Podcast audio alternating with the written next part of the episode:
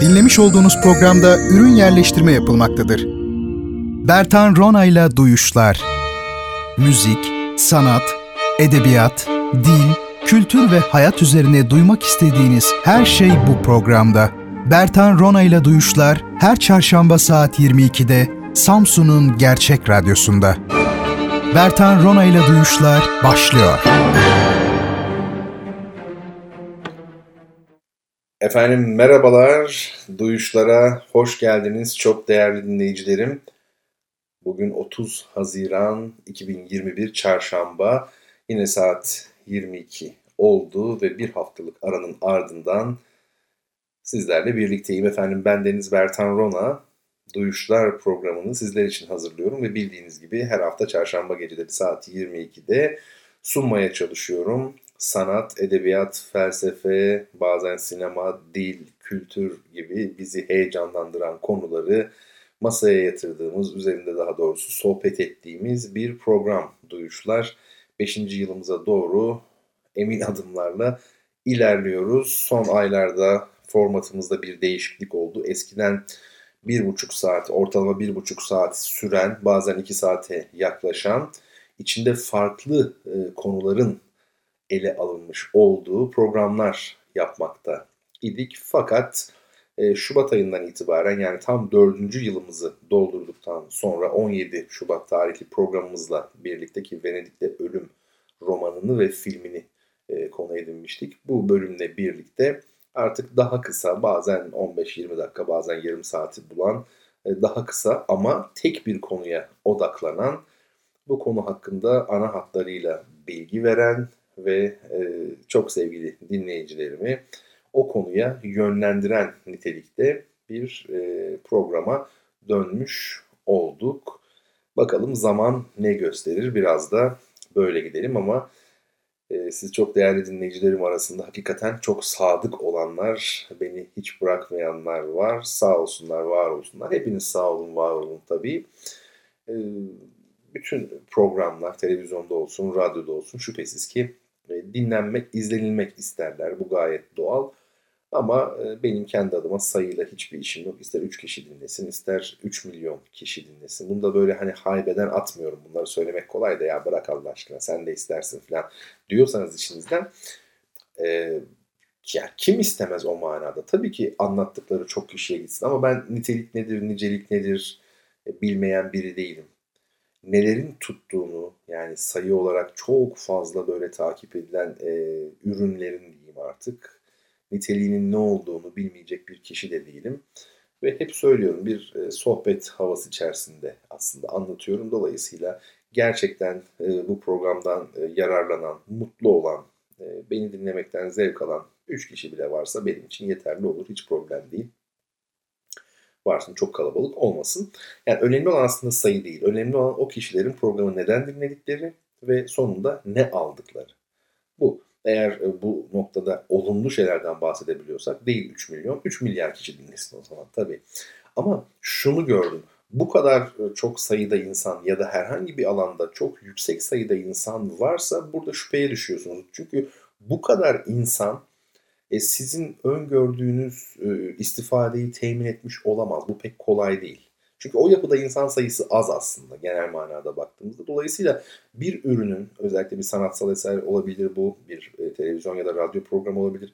Takipçisinin çok çok fazla olması e, o ürünle ilgili tabii ki şüphe uyandırıyor. Şimdi bazen e, böyle söylendiğinde bu çok elitist bir yaklaşım olarak görülüyor, e, değerlendiriliyor ve şöyle denebiliyor.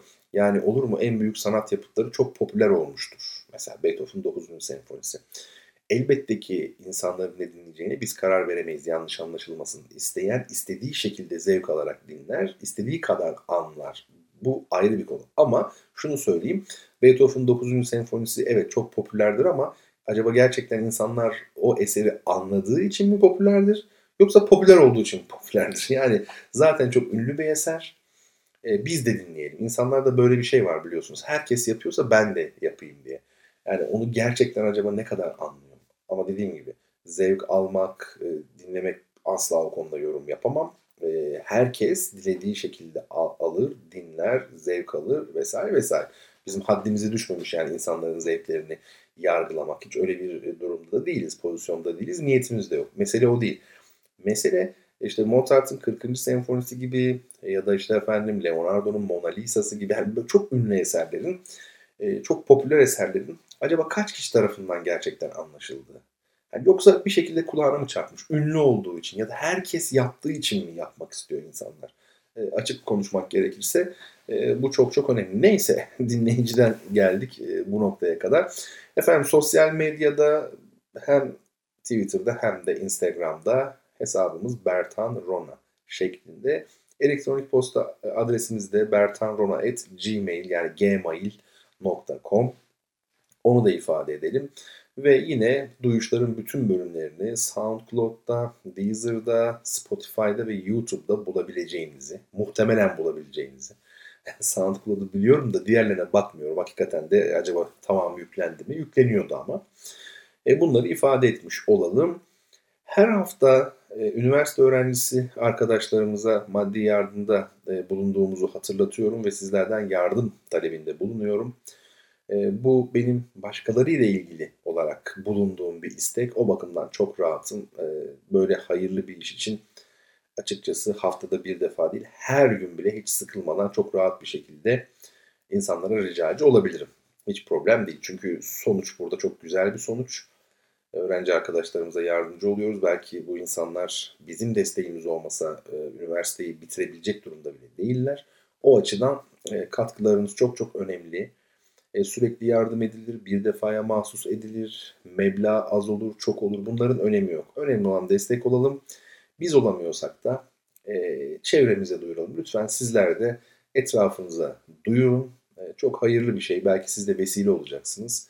E, belki yardımcı olmak isteyen, yardım edecek yer arayan e, insanlar vardır etrafınızda. Hiç belli olmaz. Ve e, onlar bize ulaşırlar. E, mesajlarımı bunun gibi durumlar için ve aslında insanlar bana rahat ulaşabilsinler diye açık tutuyorum.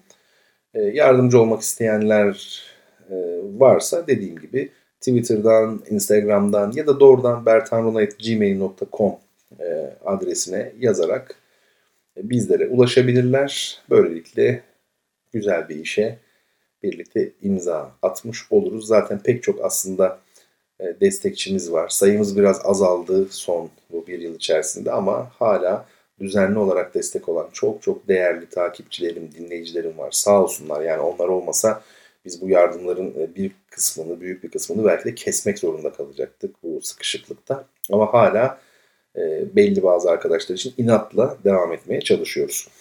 Efendim bu gece sizlere neden bahsedeceğim? Benim coğrafya ilgim bilinir bilinir derken kendimi de çok önemsemiş gibi oldum. Hani kim bilir ya. Çünkü beni kim bilir ki coğrafya bilgimi çok bilsinler. Yani öyle oldu. Benim coğrafya bilgim bilinir. Yani şey ilgim.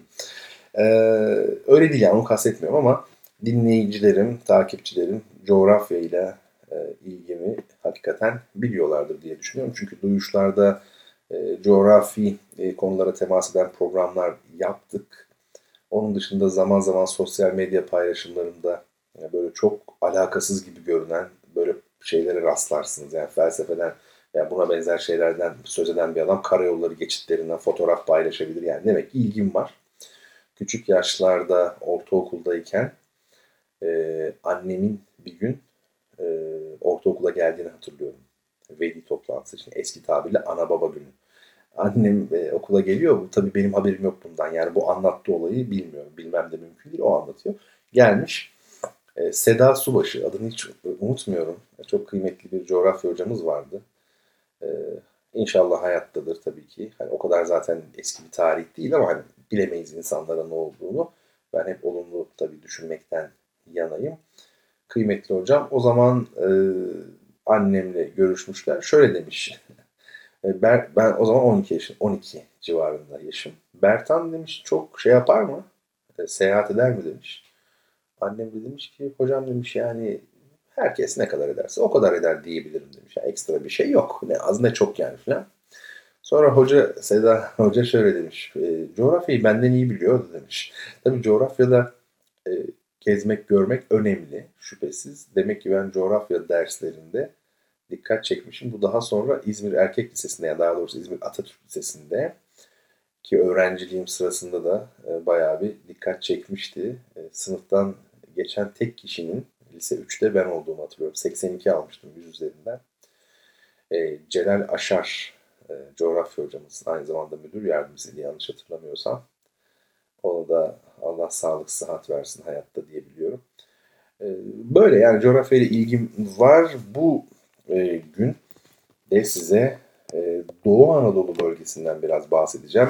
E, bu bölgemizle ilgili özellikle bu bölgemizin fiziksel coğrafyası ile ilgili bazı bilgiler vermek istiyorum. Benim özellikle Doğu Karadeniz bölgesi, yine Doğu Karadeniz, Çoruh, Kelkit, Vadi olduğu ve genel manada Doğu Anadolu ile ilgili şeyim var, eğilimim var yani çok merak ediyorum bu bölgeyi. Bölgeleri merak derken yani tabii ki gittiğim, gördüğüm yerler çoğunlukla ama e, okumak istiyorum, araştırmak istiyorum. Şimdi e, güzel bir e, ansiklopedik kaynaktan yola çıkarak Ara Britannica ansiklopedisinden bir e, metin temelli okuma yapacağım ama kendi e, yorumlarımı da tabii ki sık sık söyleyeceğim. Önemli olan da o zaten. Derli toplu bu bölgeyle ilgili bilginiz olur. Özellikle coğrafyası ile ilgili. Onun dışında hani fiziksel coğrafyası dışında da aslında pek çok şeyden bahsedilebilir. Mesela nüfusu yani beşeri coğrafya olarak ekonomisi ne güzel dersti beşeri coğrafya. Bunlardan bahsedilebilir. Yeraltı zenginliklerinden mesela bahsedilebilir. E, ulaşımından bahsedilebilir. Belki biraz ulaşımdan söz ederiz. E, ama özellikle fiziksel coğrafyası üzerinde duralım. Ama bu jeolojik devirlerden falan bahsetmeyeceğim. Oralara girmeyeyim. Şimdi Doğu Anadolu bölgesi çok değerli dinleyenlerim. Bildiğimiz üzere Türkiye'nin 7 coğrafi bölgesinden biri. 163 bin kilometre karelik bir yüz ölçümü var aşağı yukarı. Bu çok ciddi bir rakam yani 163 bin kilometre. Ben öyle zannediyorum ki yani bizim etrafımızda mesela bir Ermenistan falan gibi ülkeler herhalde bir 30-40 bin e, kilometre kare ya var ya yoktur. Yani 163 bin kilometre kare e, pek çok Avrupa ülkesi kadar vardır.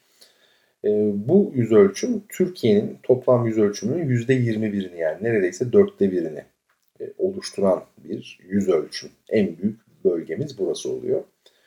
E, Karadeniz, İç Anadolu, Akdeniz ve Güneydoğu Anadolu bölgelerine komşu olduğu gibi Rusya, İran ve Irak'la da sınırı var. Rusya derken tabii şimdi daha çok işte Gürcistan olsun, Ermenistan olsun biz öyle diyelim. Artık Sovyetler Birliği kalmadı.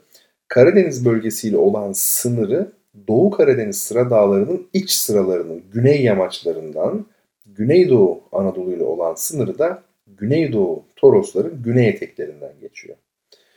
O bölge ne kadar güzeldir. Yani Karadeniz'in o Karadeniz sıra dağlarının iç kesimi yani Mescit, Yalnızçam o e, şeylerle e, dağlar sınır oluşturmuş oluyor tabii. Yani Erzurum'un e, kuzeyi olmuş oluyor.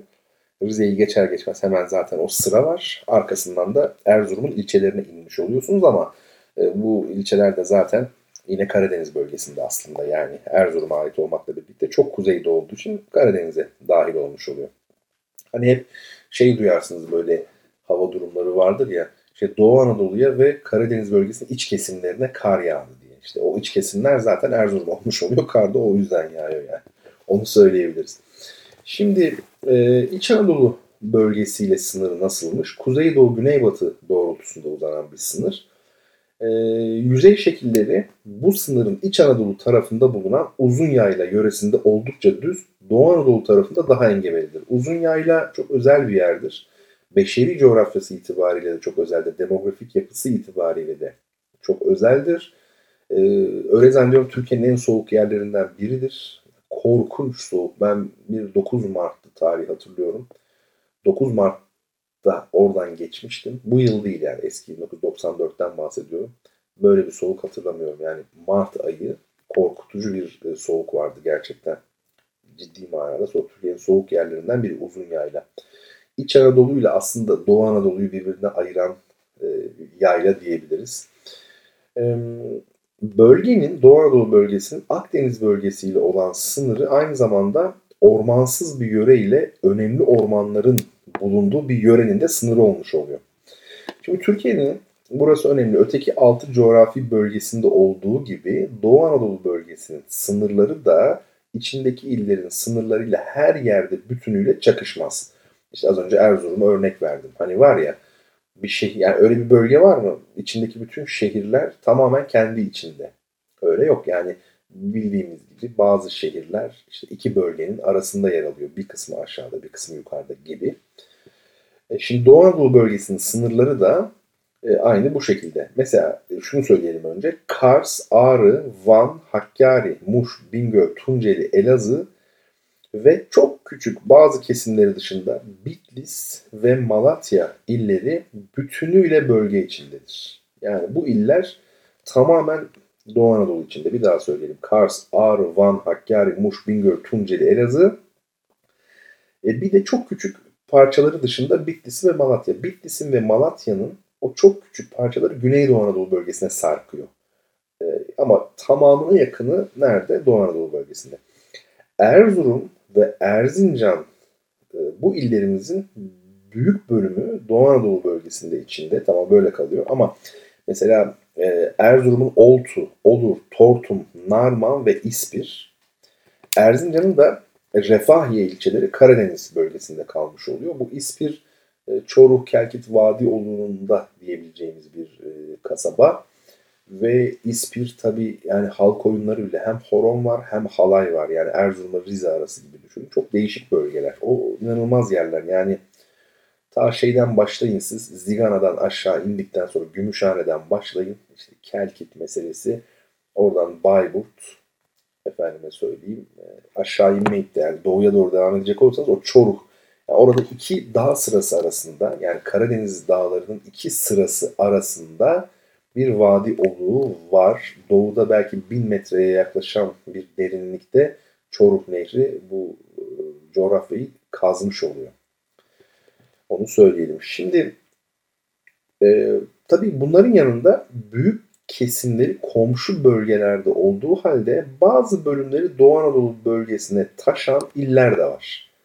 Yani öyle e, şehirler var ki, iller var ki şehir demeyelim, il diyelim. Bunun da ayrımı pek bilinmiyor. İl nedir, ilçe nedir, kasaba nedir, kent nedir bunlar pek bilinmiyor.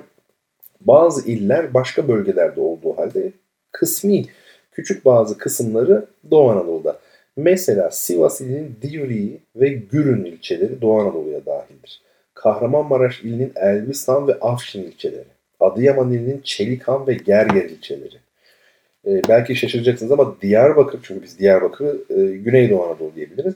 Diyarbakır ilinin Kulp, Lice, Çermik ve Çüngüş ilçeleri. E, Çüngüş de çok ilginç bir ilçedir. Yani bayağı çıkmaz sokak. Yani Diyarbakır'dan 110 100 bildiğim hatırladığım kadarıyla yani yaklaşık söylüyorum. Belki 115-120 kilometre gidiyorsunuz Çüngüş'e ama Çüngüş'ten hiçbir yere devam edemiyorsunuz. Çüngüş'ten geri dönmek zorundasınız. Çünkü Çüngüş'ten başka hiçbir yere yol yok. Halbuki e, Malatya'nın Pütürge ilçesiyle arasında hani kuş uçuşu çok az bir mesafe var. Ama siz oraya gidebilmek için bakın ben size bir hesap yapayım. Tekrar 100 kilometre Diyarbakır'a gittiniz. 150 Elazığ. Oo, 150-250 yaptı. Değil mi? 100 de Malatya'ya tekrar 250 350 bir de oradan tekrar e, şeye ne onun Pütürge'ye yani aslında 40 kilometrede belki gidebileceğiniz bir yol 400 kilometrede gidiyorsunuz. Çıkmaz sokak olduğu için. Halbuki o araya bir yol yapabilseler Pütürge'den Çüngüş'e o zaman direkt Diyarbakır'a da geçersiniz. Malatya ile Diyarbakır arasındaki 250 kilometrelik yol direkt 150'ye düşer. Yani 100 kilometre kısalır. Ama yapılıyor mu bilmiyorum. Bir zamanlar öyle bir şeyler söyleniyordu. Efendim şimdi başka bir de Siirt'in mesela efendim Pervari, Eruh, Şirvan ilçeleri. Sason ilçesi. Aynı zamanda işte Şırnak. Şimdi Şırnak da artık il tabi. Bunlar da Doğu Anadolu bölgesi sınırları içinde kalıyor. Ankara'da 1941 yılında toplanan ve Türkiye'nin coğrafi bölge sınırları üzerinde çalışmalar yapan 1. Türk Coğrafya Kongresi Doğu Anadolu bölgesini Erzurum, Kars, Yukarı Fırat, Yukarı Murat, Van ve Hakkari olmak üzere dört bölüme ayırmış. Yani bölge başka bir şey biliyorsunuz. Bölüm başka. Hani Doğu Anadolu bölgesinin içinde dört bölüm var. Burada Erzurum, Kars belli zaten Platon'un olduğu yer. Erzurum, Kars platosu orası bir bölüm. Yukarı Fırat bölümü bir yer. Bunlar tabii Tabii başka bir yer. Yukarı Murat Van. Orayı da biliyoruz. Hakkari zaten tek başına acayip bir yer. çok başka bir topografyası var. Hakkari'de tek başına olmuş. Dolayısıyla 4 bölüm. Şimdi çok değerli dinleyenlerim e, Doğu Anadolu bölgesinin yüzey şekillerine gelecek olursak Doğu Anadolu Türkiye'nin tabi tartışmasız bir şekilde en yüksek ve en engebeli bölgesidir. Ortalama yükseklik bu Wikipedia İngilizce Wikipedia'ya göre ortalama yükseklik 2200 metre. Bütün Doğu Anadolu'nun ortalaması. Tabi kentleri demiyorum. Doğu Anadolu coğrafyasının, arazisinin, bütün o topografyanın tamamının ortalaması 2200 diye yazıyor. Şimdi e, tabii bu çok ciddi bir rakım. Neden öyle? Çünkü e, Afrika e, kıtasıyla bir taraftan da Arap, Arabistan daha doğrusu Yarımadası'nın yukarı doğru hareket ettiğini biliyoruz. Ve Asya kıtasının zaten devasa e, ağırlığı da var. Böyle olunca Doğu Anadolu sıkışıyor. Sıkıştıkça da yükseliyor. Bu eğilim devam ediyor benim bildiğim kadarıyla. Ee, mesela Ermenistan'a göre, kendi doğusundaki İran'a göre daha yüksek. Batısındaki Anadolu'ya göre de daha yüksek, İç Anadolu'ya göre. Bu sıkışmadan kaynaklanıyor. Ee, tabii bölgede Türkiye'nin en yüksek dorukları var. Başta Ağrı Dağı bildiğimiz gibi olmak üzere 5137 metre. Daha sonra Cilo yani Buzul e, dağında bulunan Reşko Tepesi yani Uludoruk Tepesi 4135 metre ve tabi Süphan Dağı 4058 metre yükseklikte. Ama şunu söyleyelim bu Ağrı Dağı olsun, Süphan, e, İç Anadolu'daki mesela Erciyes, Hasan Dağı falan bunlar e, volkanik kütleler, ekleme volkanik kütleler. Yani ana kara değil. Öyle öyle söyleyeyim. E, ana kaya özür dilerim. Ana kaya değil. Ama Cino Dağı 4135 metrelik o Reşko Tepesi orası ana kayanın en yüksek noktası Türkiye'de. Doğu Anadolu'da dağlık kesimler arasında kalan çukur alanlar da çok yüksek. Bakın şimdi size bir ova söyleyeceğim. Başkale Ovası. Ova ne kadar yükseklikte olur? Yani ova alçak düzlüktür değil mi? 2400 metre yüksekliğinde Başkale Ovası. Yüksek Ova 2000 metre yüksekliğinde, Erzurum Ovası bildiğimiz gibi 1850 metre yüksekliğinde. Erzurum'un rakımı 1900 ortalama olarak. 1890 e, yazıyor tabelada. Türkiye'nin e, bunlar yani Türkiye'nin batısında bulunan bazı ünlü dağların doruklarıyla aynı düzeydedir ya da onlardan daha yüksektir. Yani bu ovalar batıdaki dağlardan bile yüksek olabilir. Ha, Doğu Anadolu'da alçak yer yok mu? Rakım olarak, rakım olarak alçak yer var. Mesela doğuda Iğdır Ovası 800 metre. Bu Doğu Anadolu için çok düşük bir e, rakım. Ve tabii bir de güneybatıda yani Malatya Elazığ bölgesinde Fırat Irmağı'nın özellikle Güneydoğu Toroslar arasında açtığı bazı böyle keskin boğazlar, dirsek yaptığı boğazlar var. Bunlar 650 metrelik rakıma kadar düşüyor bazı yerler. Bunlar Doğu Anadolu bölgesinin en alçak e, kesimleri olmuş oluyor. Ama işte Erzurum il olarak baktığınızda 1900 civarı rakımı var. Ama ilçe bazında düşünecek olursak işte Başkale 2400 gibi efendime söyleyeyim Karayazı 2500'de 2400 bunlar çok yüksek e, şeyler, ilçeler. Sarıkamış 2150 gibi yaklaşık. Ya zaten mesela Çıldır Gölü biliyorsunuz var Ardahan'da. Rakım 1959 diye geçiyor. 2000 yani. Bunlar tabii çok yüksek e, plato üzerine kurulu. Şimdi e, Doğu Anadolu fiziki coğrafyasının bir başka özelliği de yüzey şekillerinin çok çeşitli oluşudur. Mesela İç Anadolu'da efendim step bozkır hakim. Ama Doğu Anadolu'da çok farklı farklı şekiller var. Mesela Erzurum Kars Platosu bu yüksek düzlüklere bir örnek. Ee, bölgenin güneyinde bir yer çizen ve doğuya doğru yükseklikleri artan Güneydoğu Toroslar, bölgenin orta eksenini oluşturan ve Mercan Dağları'nda 3463 metreye erişen Muzur Dağları, en yüksek noktası olan Palandöken Dağı'nda 3176 metreye erişen Karasu Aras Dağları batı-doğu doğrultusunda uzanan yüksek ve devamlı dağ sıralarıdır. Bu da Doğu Anadolu'daki ikinci yaygın yüzey şekli yani. Biri yüksek düzlükler, platolar, biri doğu-batı doğrultulu dağlar. Ee, tabii bu dağlar arasında püskülük arazi var. Bu önemli. İşte Ağrı, Aladağ, Teldürek, Süphan, Nemrut bunlar hepsi sönmüş yanardağ aslında. Bunlar ilginç biçimleriyle, ilginç e, morfolojileriyle e, iyice bölgeyi e, çeşitli hale getiriyor. Yani bölgenin çeşitliliğine ayrı bir renk katmış oluyor.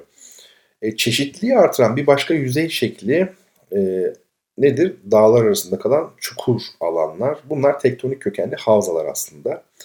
Bunlar bakın burası güzel dağ sıralarının uzanışına uygun diziler oluştururlar. Yani Doğu Anadolu'da dağlar genellikle batı doğu doğrultusunda olunca e, bölgenin kuzeyindeki ova dizisi yani Erzincan, Tercan, Erzurum, Pasinler, Iğdır ve güneyindeki dizi Elbistan, Malatya, Elazığ, Palu, Muş bunların hepsi çöküntü alanı ve diziler bunlar birbirinin ardınca. Çok fazla kırılma, çok fazla gerilme olduğu için ve işte efendim yanardağ aktivitesi de olduğu için bölgede bu tarz tektonik e, çukurlar var tabi. E, bir de nehirlerine bakalım. Doğu Anadolu'nun büyük kesimi Fırat, Dicle ve bunların kolları aracılığıyla sularını Basra Körfezi'ne gönderiyor. Yani Doğu Anadolu bölgesinden doğan nehirlerin yani küçük çaylardan, derelerden itibaren işte birleşip daha büyük e, ırmaklar oluyorlar. Onlar da ya Dicle'ye ya Fırat'a katılıyor. Dolayısıyla Doğu Anadolu'nun büyük bir kısmı suyunu Basra'ya göndermiş oluyor. Fırat çok büyük bir nehir biliyorsunuz. Uzunluğu itibariyle baktığınızda Şatül Arap'la birlikte e, dünyada ilk 20 içerisinde yani ki Amazon gibi, Mekong gibi biliyorsunuz çok büyük dev Kongo gibi ırmaklar var. Fırat olmasaydı Mezopotamya olmazdı. Nil olmasaydı Mısır olmazdı. Herodot'un söylediği gibi Mısır Nil'in armağanıdır diyor. Şimdi Basra'ya gönderiyor Doğu Anadolu sularını ama bir kesiminin suları da Aras ve Kura ırmakları var biliyorsunuz. Hazar denizine dökülen ama onlar da Türkiye'den doğuyor. Dolayısıyla bir kısmının suları da küçük bir kısmının suları da Hazar Denizi'ne gider. Fakat bir de Van Gölü var. O da bir çeşit deniz. Kapalı havza diyorlar buna. Dolayısıyla hani Van Gölü'ne akan ırmaklar da var. Bendimahi çayı gibi mesela. Demek ki Basra Körfezi, Hazar Gölü, şey Hazar Denizi, Van Denizi, Van Gölü yani üç etti. Bir de güneybatıdaki çok küçük bir kesim yani Malatya'ya kadar uzanabilen işte Elbistan falan Maraş'ın bazı ilçeleri yani Doğu Anadolu'da kalan bu kesim sularını e, şöyle söyleyelim Seyhan ve Ceyhan'ın kollarıyla Akdeniz'e göndermiş oluyor. Bu da dört etti değil mi? Basra, Basra e, denizi, Basra körfezi daha doğrusu Hazar Denizi, Van Gölü, efendim Akdeniz ve kuzeyde Çoruh Irmağı'nın bazı kollarının kaynakları Doğu Anadolu bölgesinin sınır çizgisinin hemen içinde olduğu için çok çok küçük bir bölgenin sularının da Karadeniz'e döküldüğü söylenebilir. Böylelikle 5 etmiş oldu. Doğu Anadolu'nun akarsuları genellikle baharda kabarır, yaz sonuna doğru çekilir. Doğu Anadolu göl bakımından da tabii bunu belirtelim zengin bir bölge. Yalnız Türkiye'nin en büyük gölü olan Van Gölü'nü değil, Erçek, Çıldır, Hazar, Hazar da ne güzel bir göldür. E, bu tip e, gölleri de içinde barındırıyor. Tabii Keban, Karakaya, Atatürk Barajı gibi. Atatürk gerçi şeyde galiba değil mi? E, Doğu Anadolu, şey, Güneydoğu'da ama Keban ve Karakaya gibi çok büyük yapay göller de var. Onu belirtelim. E, hadi biraz da ikliminden bahsedelim Doğu Anadolu'nun ve bitki örtüsünden tabii. Şimdi Doğu Anadolu'nun yüksek ve dağlık olması, dağ sıralarıyla denizden ayrılmış bulunması iklim özelliklerini de tabii belirlemiş oluyor. E, yükseklik yıllık ortalama sıcaklığı düşük olmasına ve kışların sert geçmesine yol açıyor. Yıllık ortalama sıcaklık, yıllık ortalamayı veriyorum. Yaz, kış hepsinin ortalaması.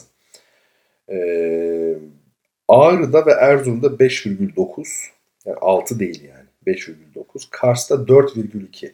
Çok daha düşük. Tabi burada Ardahan'ı da katmışlar ortalama değer ama Ardahan aslında yani Türkiye'nin en soğuk ortalama değerlere baktığımızda en soğuk ili Ardahan 1. 2 Kars, 3 işte Ağrı, 4 Erzurum gibi geçiyor ama Ağrı ile Erzurum'u bir kabul edebiliriz. Tabi bu il merkezleri itibariyle söyleniyor. Yoksa ilçeler, ilçeler o bölge daha farklı tabii çok daha düşük değerler vardır. Yani Erzurum'un ortalama değerlerinden çok daha düşük olan ilçeleri var Erzurum'un yine. Yani işte söyledim Karayazı bunlardan biri. Kesinlikle böyle tekman düşüktür. Mesela tahminimi söylüyorum. Mesela Kars e, çok soğuk bir yerleşim yeri ona şüphe yok ama Sarıkamış daha soğuktur. Sarıkamış Kars'ın ilçesi ama Kars merkezden biraz daha soğuktur. E, Ardahan mesela hakeza öyle. E, o yüzden hani bu şey yapabilir yani değişebilir. Efendim Erzurum'da 5,9, Ağrı ve Erzurum'da, Kars'ta 4,2 derece yıllık ortalama. Ocak ayı ortalamaları Ocak ayı ortalamaları bütün bölgede 0 derecenin kesinlikle altındadır. Onu belirtelim. Ee, ve güneybatıdan kuzeydoğuya gidildikçe azalır. Bu Doğu Anadolu'da çok karakteristik bir şey. Yani güneybatıdan kuzeydoğuya doğru gidildikçe ortalama değerler düşer. Mesela Malatya'da Ocak ayı ortalaması eksi 1 derece, Elazığ'da eksi 1,5, Erzincan'da eksi 3,5, Erzurum'da eksi 8,6, Kars'ta eksi 11,6. Eksi 11,6 ortalama. E, Ardahan daha da düşüktür, biraz daha düşüktür.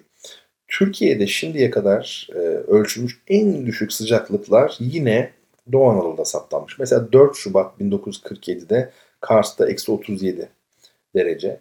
20 Ocak 1972'de Ağrı şehir merkezinde eksi 45,6 derece saptanmış ki o aslında eksi 50 derecenin altında olduğunu duymuştum ben. O gün o ölçümü yapan ekipte bulunan e, bir emekli amca diyeyim anlatmıştı. Neyse detayı var. Onunla tesadüfen tanışmıştım bir otobüs yolculuğunda. Aslında sıcaklığın eksi 45,6 değil eksi 52 olduğunu fakat hani valiliğin belki telkiniyle hani bir halk galeyana gelmesin diye. Çünkü psikolojik bir eşik yani eksi 50'nin altı. O yüzden e, yazmayın denildiğini eksi 45,6'yı yazdıklarını söylemişti. Onun yalancısıyım. E, bölgenin dağlık olması, Doğu Anadolu'nun dağlık olması yamaçlar arasında tabii karşıtlıklar doğuyor ve kısa mesafelerde farklı iklim e, tipleriyle yani mikroklima denilen farklı iklim tipleriyle karşılaşılmasına yol açıyor. Kars, Kağızman ve Iğdır arasındaki fark buna örnek. Kağız, Kağızman'da Kars'ta bulunmayan çeşitli meyveler yetişiyor. Iğdır'da ise meyveden başka pamuk bile üretiliyor. Düşünebiliyor musunuz? Doğu Anadolu'da pamuk yani. Ee, bölgenin denizden dağ sıralarıyla ayrılmış olması da sıcaklık farklarının artmasına yol açar. Biliyorsunuz ne kadar karasalsa bir bölge gece ve gündüz sıcaklığı farkları o kadar artar. En e, sıcak ay ile en soğuk ayın ortalamaları arasındaki fark dikkat şimdi Erzurum'da 28,2, Kars'ta 28,9, Ağrı'da 30,8 demek ki Ağrı hepsinden karasal. 30,8 gibi bir derece farkı var. E, Doğu Anadolu'nun dağlık olması yağışların İç Anadolu'ya göre fazla olmasının da nedeni. Yani Doğu Anadolu İç Anadolu'dan daha fazla yağışlı. Doğusunda bulunan İran'dan da yağışlı. Dağlık ve yüksek olduğu için yağış miktarının 1 milimetreyi geçtiği yüksek dağlık kesimlerin ve az yağmur olan bazı çukur alanların mesela Erzincan, Van, Malatya gibi bunlar çukurda az yağmur oluyor. Bunların dışında yağış miktarı 400 milimetreden fazladır. Yağışların yıl içinde mevsimlere dağılışı yani yağış rejimi bakımından Doğu Anadolu'da da öteki bölgelerdeki gibi düzensizlik görülür. Doğu Anadolu'nun bütün orta, kuzeybatı ve doğu kesiminde yani Malatya, Erzincan ve Van'da en çok yağış düşen mevsim ilkbahardır. Bu zaten sürpriz değil. Bu kesimlerde kış yağış payı bakımından baharın ardından gelir. Yani Malatya, Erzincan ve Van'da en çok ilkbaharda yağış düşüyor. İkinci sırada kış mevsimi var. Ee, ama ilginçtir Marmara, Ege, Akdeniz ve Güneydoğu Anadolu bölgelerinde en yağışlı mevsim kıştır. Oralarda kış. İkinci sırada ilkbahar. Ama Malatya, Erzincan ve Van'da en yağışlı mevsim ilkbahar, ikinci sırada kış geliyor. Bölgenin kuzeydoğu kesimi ise yani Erzurum-Kars bölümünde en az yağış kışın düşer. Dikkat çok ilginç. En az yağış kışın düşer. En çok yağış Erzurum'da yine ilkbaharda görülürken kuzeydoğu yönünde ilerlendikçe yaz mevsimine kayar. Çok ilginç. Kars ve Ardahan'da görülen bu yağış rejimi tipi Avrupa'nın doğu yarısında olduğu gibidir ve Türkiye'nin başka hiçbir yöresinde görülmez. Yani Ardahan'da en çok e, yağış olan mevsim yaz mevsimi. İlginç. Erzurum'dan iyice kuzeydoğuya gittikçe Ardahan'a, Kars'a, Ardahan'a doğru en çok yağış alan, e, yağış düşen mevsim yaz mevsimi oluyor. Ve Türkiye'nin başka bir yöresinde bu yok bu. Doğu Avrupa'daki gibi. Ee, Doğu Anadolu bölgesinin karla yağışlı, kar yağışlı günler ve yerin karla örtülü olduğu günler sayısı bakımından da öteki bölgelerden çok farklı bir durumu var tabii.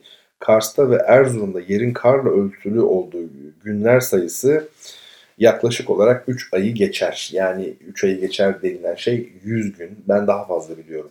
110, 124 ay. Bu tabii kent merkezi, il merkezi. Kentte yani. Ama ilçelere falan baktığınızda 6 ay, 7 ay e, tamamen yerin karla kaplı olduğu yerler tabii var. Öyle çok yüksek yerlerde var. Evet. Peki bitki örtüsü nasıl? Bir de buna bakalım son olarak. Ee, belki bir de ulaşımından kısaca bahsederiz.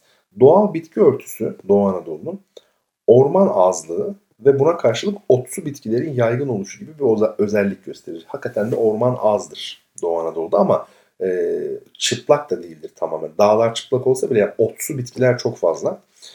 E, ormanlar bölge yüz ölçümünün onda birinden daha az yer kaplar. Ne yazık ki Doğu Anadolu'da orman onda birinden az. E, çayır ve otlaklar ise bölgenin yaklaşık üçte ikisini kaplıyor ama dikkat edin. Çayır ve otlak yani yine yeşil yani. Üçte ikisi böyle. Kuzey kesimlerde yaygın ağaç türleri sarı çam gibi iğne yapraklılardır. Orta ve güney kesimlerde ise daha çok çeşitli meşe türleri gibi geniş yapraklılar vardır. Meşe Anadolu'nun e, sembol ağacı diyebiliriz.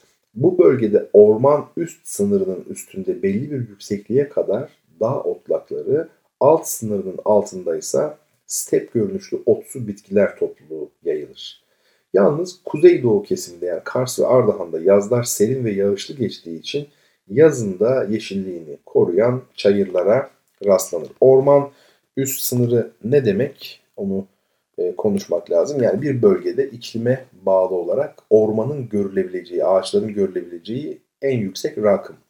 Mesela Karadeniz'de 1800 civarıdır ama Akdeniz'de 2400'dür. Bu ne demek? 2400'e kadar orman olabilir Akdeniz'de. 2400'ün üzerinde orman olmaz. Karadeniz'de de mesela 1800 rakıma kadar bakın Karadeniz yemyeşildir. 1800 rakımı geçtiğiniz anda hiçbir şey bulamazsınız. Yani ağaç namına hiçbir şey kalmaz. Burada da onun gibi. Bundan bahsediyor yani. Şimdi son olarak bir de ulaşıma bakalım. Tabii burada da önemli bir bilgi olduğu için aslında ulaşım konusuna girmek istiyorum. Çok çok kısa. Doğu Anadolu bölgesinde yüzey şekillerinin daha çok doğu batı doğrultusunda uzandığını söylemiştim. Yüzey şekilleri. E tabi buna bağlı olarak başlıca yollarda nerede oluyor? Bu doğrultuda oluyor. Şimdi dağlar doğu batı doğrultusundaysa ulaşım ha, olmaz mı kuzey güney? Olur da zor olur. Ege bölgesini bir düşünün. Orada da dağlar doğu batı doğrultusunda Ege bölgemizde. Tabi ulaşım ne? İzmir, Uşak, İzmir, Afyon. Yani yine doğu batı ağırlıkta. Ha kuzeyde gidiliyor. Gidilmiyor değil ama kısmen daha zor. Onu söyleyelim. Doğu Anadolu bölgesinde de dağlar doğu batı doğrultulu olduğu için başlıca yollar da bu doğrultuda oluşmuş oluyor. Ee, bu iki önemli hat var. Biri Erzincan, Erzurum, Pasinler, Kars. Bu kuzeydeki. Erzincan, Erzurum, Pasinler, Kars. Kuzeydeki hat. Zaten bir şey söyleyeyim size. Ankara, Kars 1000 kilometredir. Nasıl biliyor musunuz? Çok ilginç. Ankara, Yozgat 200. Yozgat, Sivas 200. Sivas, Erzincan 200. Erzincan, Erzurum 200. Erzurum, Kars 200. O yol tam 1000 kilometrede Ankara'dan ama. İzmir veya şeyden olsa daha da uzak olur. Yani orada 2000 kilometreye yaklaşır. E, burada bayağı Ankara'dan bildiğiniz gibi 1000 kilometrede Kars'a gitmiş oluyorsunuz. Dümdüz bir yol olmuş oluyor. Burada da kuzeyde Erzincan, Erzurum, Pasinler, Kars. Diğeri de güneydeki yine batı doğu doğrultulu hat Malatya, Elazığ, Muş, Van karayolu. Tabi eskiden bu demir yolu bağlantısı da Sivas, Erzurum, Kars ve Malatya, Elazığ, Muş, Tatvan demir yolları. Bunlar aynı güzergahtaydı. Yani karayoluyla aynı güzergahı izliyorlardı. Çünkü başka imkan yok. Ve bir de tabii bir zamanlar Çetinkaya Malatya hattıyla bu ikisi kuzey güney birbirine bağlanırdı. Şimdi ne durumda bilmiyorum. Hızlı tren yapıldı mı? Başka uygulamalar var mı? Ee, ve tabii üniversiteleri var. Doğu Anadolu bölgesinin havaalanları var vesaire vesaire. Eskiden Malatya ile Elazığ'ın sınırını oluşturan e, bu meşhur Kömürhan Köprüsü var ya Türkü'de geçiyor. O Kömürhan Köprüsü tabii yıkıldı. Yıkılmadı da sular altında kaldı. Barajın tabii kapaklarını açınca yani su yükselince o altta kaldı. Yerine şimdi betonarme köprü var. Bildiğim kadarıyla herhalde bir yeni köprü daha mı yapıldı? Yapılacak mı? Bilmiyorum. E, tabii oradan devam ettiğinizde siz Fırat'ın üstünden geçmiş oluyorsunuz. Fırat Nehri gerçekten e, özel bir nehirdir. E, daha sonra Elazığ, Elazığ'dan da Diyarbakır yoluna girdiğinizde bu Hazar Gölü'nden bahsetti ya o yüzden söylüyorum. O da çok güzel bir tektonik çukurdadır. Şimdi orada çok yazlık e, evler falan var yani insanlar oralarda herhalde Güneydoğu'nun e, sıcağından kaçıp Diyarbakır'ın, Urfa'nın, belki Mardin'in, belki Elazığ'ın sıcağından e, kaçıp bir sayfiye yeri gibi Hazar Gölü'ne gelmiş oluyorlar. Hazar Gölü Türkiye'nin derin göllerinden biri. Çok büyük bir göl değildir ama oldukça derin bir göl. E, Hazar Gölü. Yani Türkiye'yi tanımak lazım, bilmek lazım. Çok büyük bir ülke Türkiye. Gerçekten çok büyük. Yani harita önünüze koyduğunuzda çok böyle küçük görünüyor değil mi? Kağıt üstünde ama aslında öyle değil tabii. Ve ben şöyle düşünüyorum. Türkiye'yi en iyi de siyasetçiler biliyor galiba. Çünkü işte çalışma yapmak için değil mi? Köy köy geziyorlar. Muhtar muhtar. Bir zamanlar Süleyman Demirel için rahmetli öyle derlerdi yani. İşte tanımadığı muhtar bile yok yani. Köylerine kadar biliyor. E neden? Bilmek zorunda. Çünkü siyasetçi ülkeyi tanımak zorunda, insanı bilmek zorunda. E, ülke çok büyük hakikaten. Gezdikçe büyüyor Türkiye, küçülmüyor.